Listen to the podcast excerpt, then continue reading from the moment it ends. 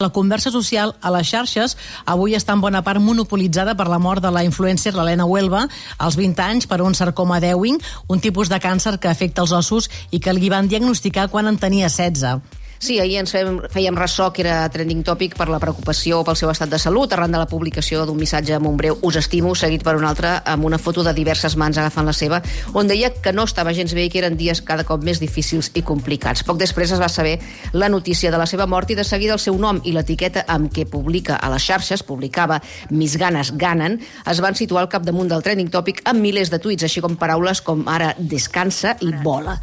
Un exemple de l'àmplia repercussió de la mort és que ha estat la notícia més llegida al web del 324 les últimes hores.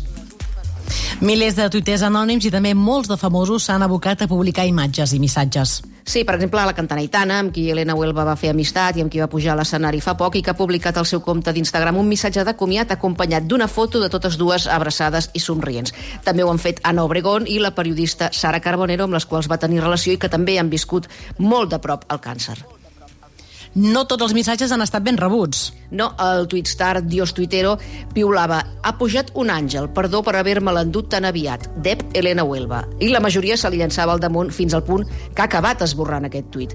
A Twitter, gent que ha patit molt de prop el càncer explica casos personals i l'acusa a ell i a tots els que fan missatges similars d'utilitzar la mort per obtenir likes i de buscar protagonisme, de romantitzar el patiment aliè i d'associar el càncer a conceptes com lluita i actitud, que són una llosa per a alguns malalts. Els més pragmàtics diuen que menys tuits i més recordar-se a l'hora de votar de qui inverteix i qui no en investigació i en sanitat.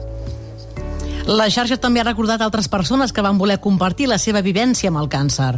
Per exemple, el metge Jesús Candel, Espiriman, que ha mort fa poc, eh, la periodista i fotògrafa Olatz Vázquez, que en temps de pandèmia de Covid va rebre massa tard un diagnòstic de càncer gàstric amb metàstasi i va mostrar a través de retrats tot el procés de tractament, o Pablo Raez, el malagueny, que va morir de leucèmia als 20 anys i que va aconseguir amb la campanya Reto un milió un augment rècord de donants de medul·la òssia, el 1.300% en només un any a Màlaga, que és on vivia, i que piulava sempre amb aquella etiqueta Siempre fuerte.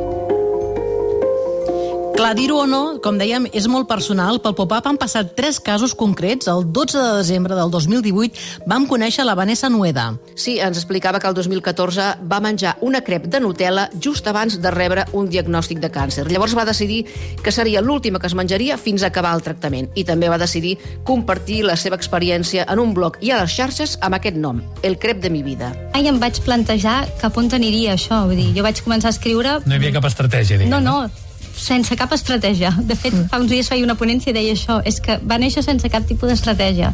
Vaig començar a escriure pues, per com a egoisme, pot, podria dir, per buidar una mica aquelles emocions, sense saber on t'arribarien i què passaria. Mm, I si algú ho llegiria. Mm. Doncs mira, molta gent ho va llegir, la Vanessa continua superactiva a les xarxes socials. Al gener del 2017 entrevistàvem el consultor en xarxes Pedro Rojas, senior manager. Li havien diagnosticat eh, també un càncer i des d'aleshores compartia el seu tractament. Faig quimioteràpia i els missatges a la xarxa em donen molt d'ànim i energia, ens deia. Jo penso que les xarxes socials són una extensió de la meva vida, la meva vida presencial, i jo he decidit de posar tot el que m'està passant a les xarxes socials, no d'una manera negativa, però sí de la manera positiva, com és la lluita que estic llevant a cabo. He decidit que tota aquesta felicitat falsa que n'hi ha a les xarxes socials és falsa, doncs que n'hi ha també situacions que no són tan felices, però que la gent podria dar com informació una mica més de la seva vida i no només la part que li convé.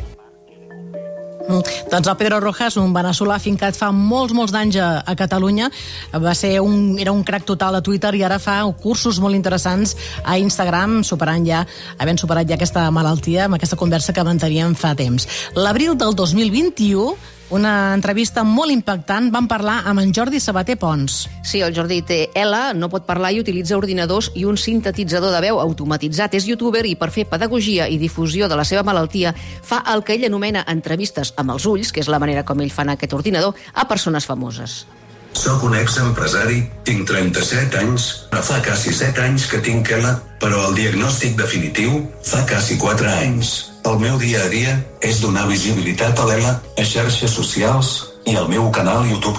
La tecnologia no em fa la vida més fàcil, la tecnologia és algo vital per als malalts d'ELA. Poder comunicar-se no és un caprici, és una necessitat vital i gràcies a la tecnologia podem expressar-nos i poder socialitzar. El problema és que aquesta tecnologia no la proporciona l'ajut del govern. Si no tens diners per poder parlar, doncs no parles i això és inhumà i vergonyós. Vaig decidir fer un pas endavant i crear un canal YouTube per poder donar visibilitat a l'ELA i a la vegada recaptar diners per l'investigació. A més, vaig pensar que entrevistar amb els meus ulls a personatges famosos en un canal YouTube podria funcionar per la lluita contra l'ELA. Doncs bé, sí, una feinada que fa, fa un munt d'entrevistes en Jordi Sabater, el veiem també el dia de l'ELA al Camp Nou.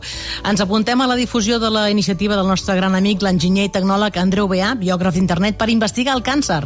Cancer Warriors, aquesta és l'etiqueta que fa servir, nascuda arran del diagnòstic de càncer al seu germà el 2014 i en la qual es va inspirar després per impulsar Covid Warriors. És una organització formada íntegrament per voluntaris, gent acostumada a gestionar equips i a liderar grans projectes amb metodologies, metodologies àgils i de treball col·laboratiu per la investigació i acció contra el càncer. Doncs bé, tota aquesta feinada i a la visibilització a través de les xarxes que fan de, de diverses malalties.